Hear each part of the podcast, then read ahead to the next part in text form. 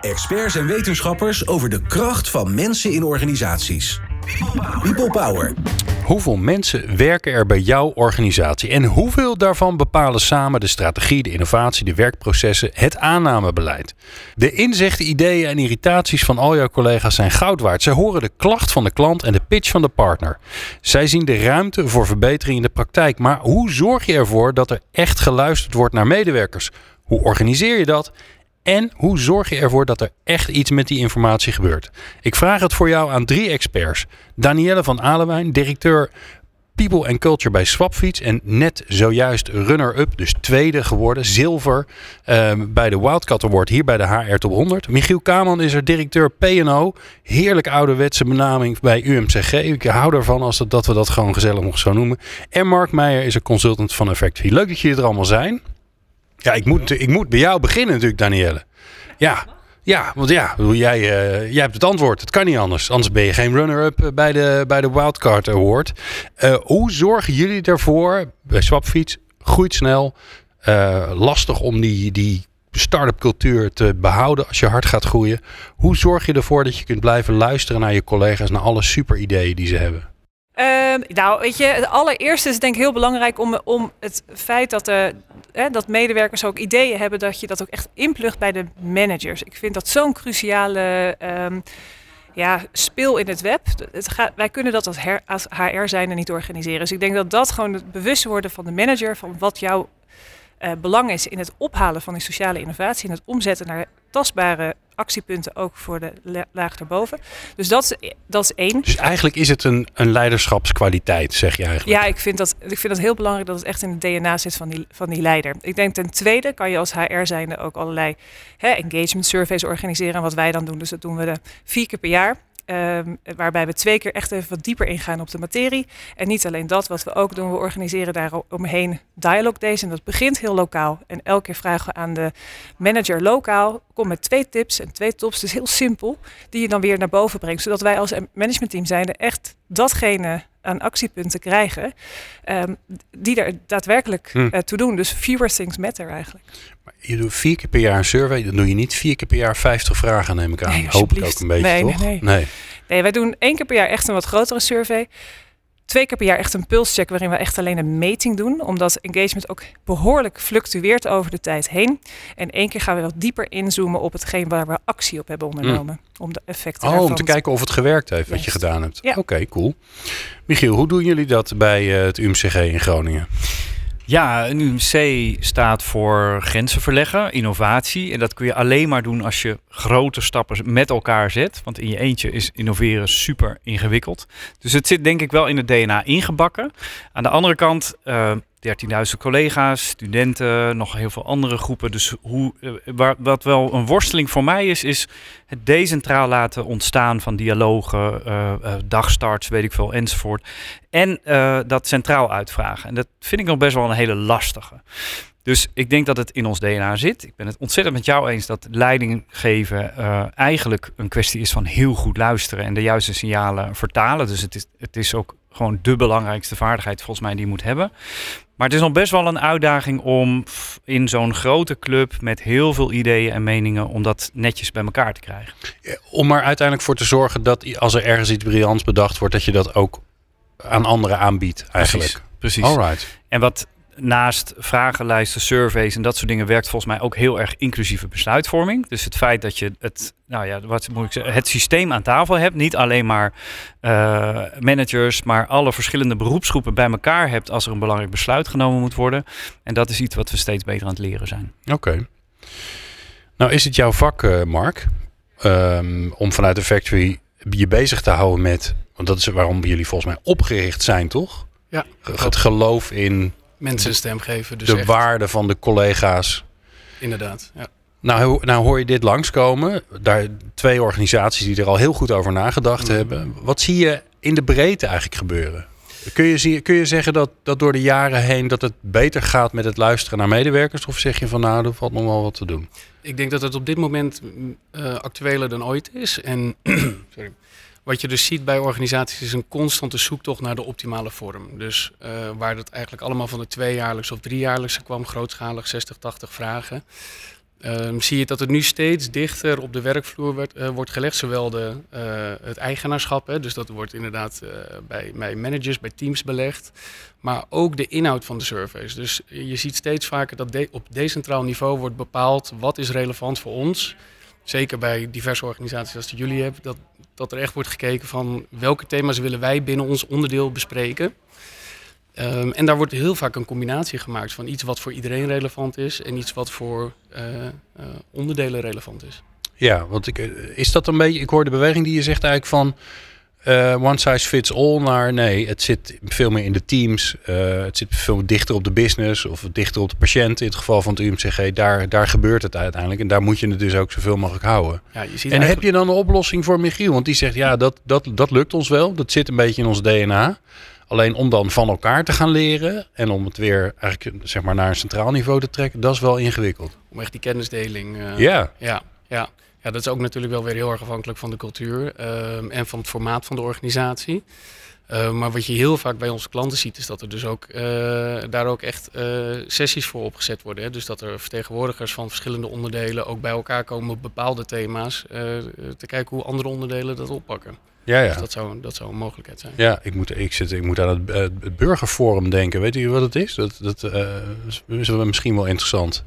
Dat Toch? kan, eh, kan Bij een, zeker bur- een optie bij een zijn. burgerforum worden, volgens mij worden een groepje van 10 of 15 mensen, eh, random uit, eh, uit, een, uit een land, die worden bij elkaar gebracht en die krijgen eigenlijk een vraagstuk. Die zeggen, nou, duurzaamheid, los het maar op. En die komen heel vaak met veel heftigere ingrepen in, in de wereld of in, in, in hun land dan, dan waar de leiding mee zou komen. Ehm, dus ja, dan haal je eigenlijk, ja. Ja. Ja, dat is, dat is wel. Het, zou ik bij ons vergelijken met het verpleegkundig platform. Dat is een groep eh, redelijk opstandige en zeer assertieve verpleegkundigen uit, uit de hele organisatie. En dat doet me denken aan wat jij zegt. Die gaan het gewoon doen. Dus waar anderen het erover hebben, hebben zij het al lang gedaan. Via social media weten ze zich te organiseren. Plannen staan binnen een paar dagen. En dan komt er bij mij nog één vraag van... ja, we hebben 30.000 euro nodig... want we gaan verpleegkundig leiderschap hier realiseren. Heb je dat? Nou, en, dan weet je al dat het goed doordacht is. Goed, dat iedereen Ja, ja. erachter staat. Dat is echt heel mooi. Wauw. Ja, Ja, wij hebben van die fietsenmakers. ja die hebben heel dat, veel. dat- ja, en die hebben dat ook, hè? Dus dat opstandige. Dus ik moest even grinniken omdat ik dat heel herken. Maar geef eens een voorbeeld dan, dan ben ik wel benieuwd naar. Ja, eh, nou, wij hebben ook fietsenmakers. Wij, eh, onze fietsenmakers zitten door heel Europa. Hè? Dus, en het is heel erg lokaal. Dus de cultuur is ook heel lokaal. Ehm, en wat, wat we nu heel erg stimuleren bij die manager... is dat we gewoon elke dag of elke week... een beetje, een beetje eh, afhankelijk van welk warehouse het is... staan we voor een groot bord met al die fietsenmakers. Dan krijgen ze allemaal een post-it in de handen... en dan mogen ze allemaal zeggen van wat moet er vandaag veranderen... wat moet er morgen veranderen en overmorgen veranderen. En dan zie je wat, wat post-its. En vooral vanuit je eigen cirkel van invlo- invloed. Dus we proberen heel erg vanuit, oké, wat kan je zelf doen? En wat, waar heb je iemand anders voor nodig? En wat moet de manager vooral brengen naar je one manager up? Dus we Mm. maken het heel erg Mooi. praktisch. En dat, ja, dus ik, dus dat, en ik zie heel erg dat ze elkaar ook heel erg gaan vinden om ook ja, die de, de stem te maken. En om te zorgen dat hetgene wat zij bedenken, dus echt het sociale innovatiestuk, dat ze dat naar eh, op tafel brengen en dat er iets mee wordt gedaan. En hoe zorgen jullie er nou voor dat je dat, dit, hè, wat, wat, want het klinkt zo logisch. Dat vind ik altijd zo mooi hè, bij alle gesprekken die ik altijd voer. Dat, dat als je het over de, de beleidstaal hebt, dan klinkt het allemaal heel interessant. En dan gaat het over employee engagement. En dan gaat het over de customer, de employee journey en zo. We hebben allemaal leuke namen voor bedacht. Maar uiteindelijk gaat het er gewoon om dat je tegen elkaar zegt: joh, eh, wat heb je nou nodig om je werk beter te doen? En dan zegt iemand: nou ja, ik heb gewoon die, die, die, die het gereedschap is gewoon shit. Ja, Ik heb gewoon betere spullen nodig. Nou, dat soort dingen. precies. En maar soms, hoe hou je dat dan vast? Want jullie groeien zo hard. Voordat je het weet, komt er een. Hè, jij, jij wordt straks weggekocht natuurlijk. En dan komt er iemand anders. Dan komt nu er een andere. ja, toch? Ja.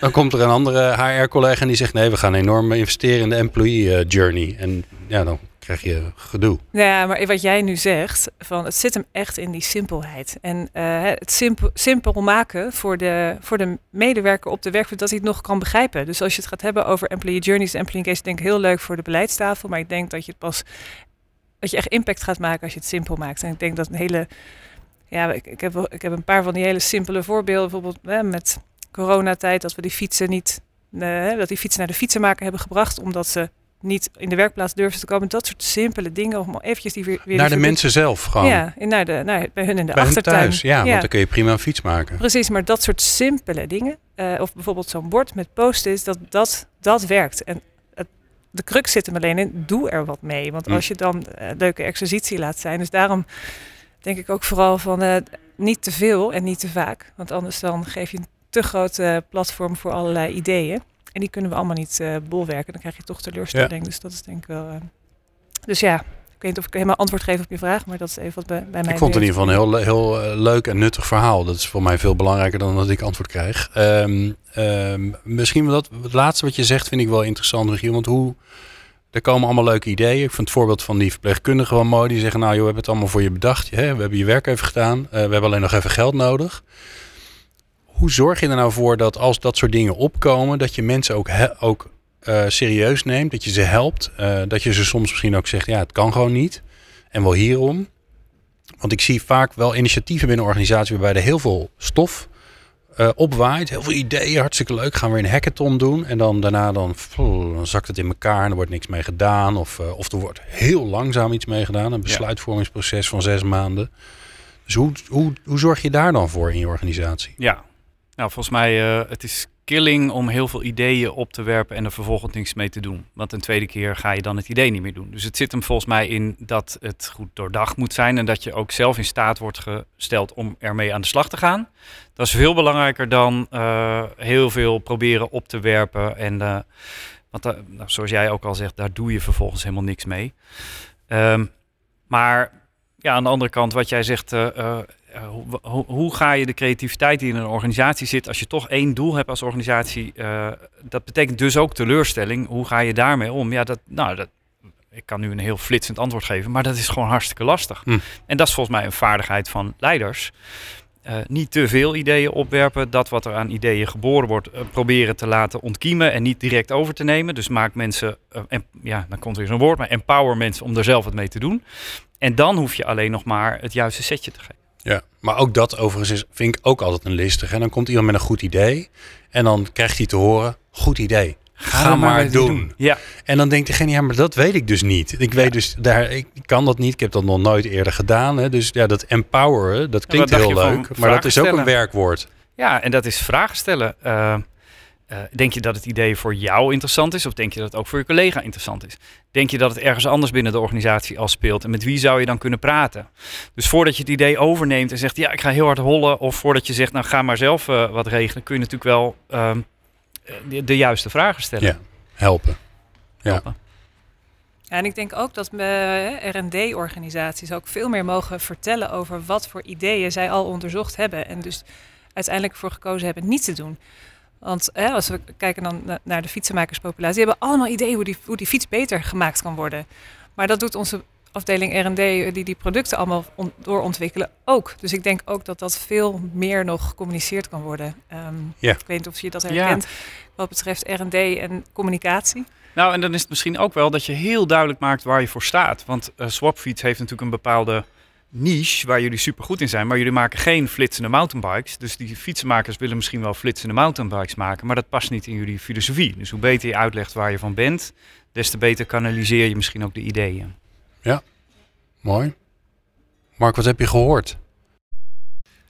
Um, dat het een, ja, een, continue, een continue zoektocht is naar van, ja, hoe zorgen we ervoor dat de medewerker zich continu wel serieus genomen voelt, uh, gehoord voelt, maar dat het ook niet Wanneer maak je het juiste thema bespreekbaar op het juiste moment? Hmm. Mm. Dat, dat, is denk ik hetgeen waar iedereen wel mee bezig is. Of dat nou iets organisatiebreeds is of dat het iets heel lokaals is. Dat, Mooi. Uh, ja, een soort vingerspitsengevoel. Toch? Het is, het is niet een soort uh, exacte wetenschap van doe dit en het komt goed. Ik denk dat dat continu blijft veranderen. Ja, ja. mooi.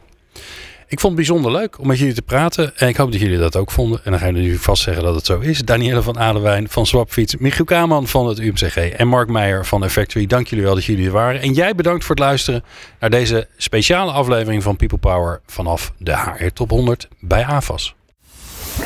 Meer afleveringen vind je op peoplepower.radio en jouw favoriete podcast app.